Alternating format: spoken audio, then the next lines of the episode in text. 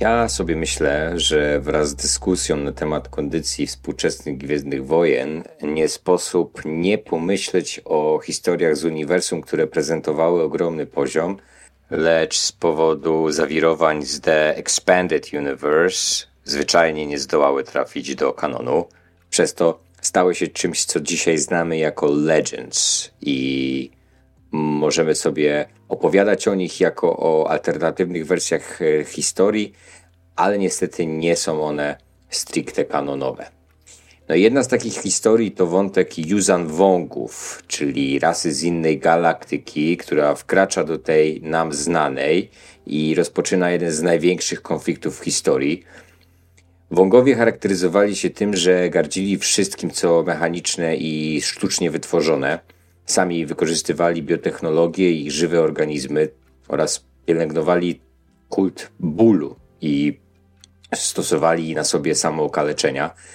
Byli też e, niepodatni na działanie mocy, co czyniło ich niezwykle groźnych dla rycerzy Jedi. Uważam, że te wszystkie rzeczy czyniły z nich niesamowicie ciekawe postaci i w ogóle y, ich cała mitologia i cała religia i kastowość tego społeczeństwa y, jest szalenie ciekawa. Muszę przyznać, że seria o Yuzan Wongach jest powodem, dla którego tak naprawdę pokochałem Gwiezdne Wojny, ponieważ zacząłem ją czytać mając kilkanaście lat i dosłownie zmiotło mnie z planszy. Można się spierać, czy nie jest trochę rozwleczona, bo w końcu liczy kilkanaście tomów, no ale dzięki niej zyskałem dogłębny wgląd w to, jak wyglądała galaktyka i zamieszkujące jej postaci. Co więcej, to właśnie tutaj, w tych książkach, nastąpiło do jednych z najbardziej przejmujących wydarzeń w życiu Hanna Solo. E, wątek Czubaki czy najmłodszego dziecka Hanna i Lei są fenomenalnie poprowadzone aż prosi się, żeby zostały wykorzystane w obecnym kanonie.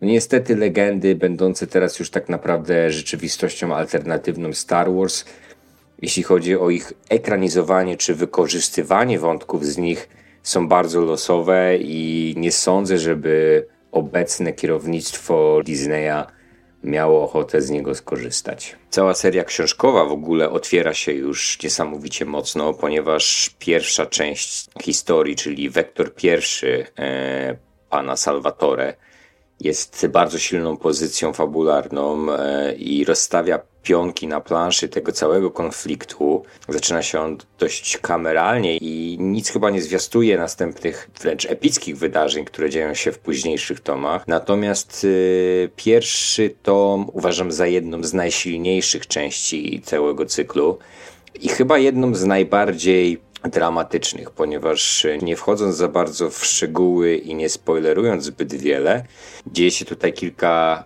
naprawdę przejmujących epizodów. Znając tych bohaterów starych z oryginalnej trylogii, naprawdę mm, potrafi e, ta historia poruszyć. Dodatkowym atutem tej historii jest fakt, że galaktyka zostaje postawiona przed zagrożeniem, którego do tej pory nie znali. Rasa, która przybywa z innej galaktyki i jest e, technologicznie tak zupełnie inna od tego, co nasi bohaterowie znali do tej pory, sprawia, że że są postawieni przed najwyższą próbą. Może przemawia przeze mnie sentyment i to, że poznałem tą lekturę jako dzieciak, ale życzyłbym sobie takich historii dużo więcej. Mam nadzieję, że to, co dzieje się obecnie w kanonie Star Warsów, nie jest na stałe i że pewne zmiany nastąpią na lepsze.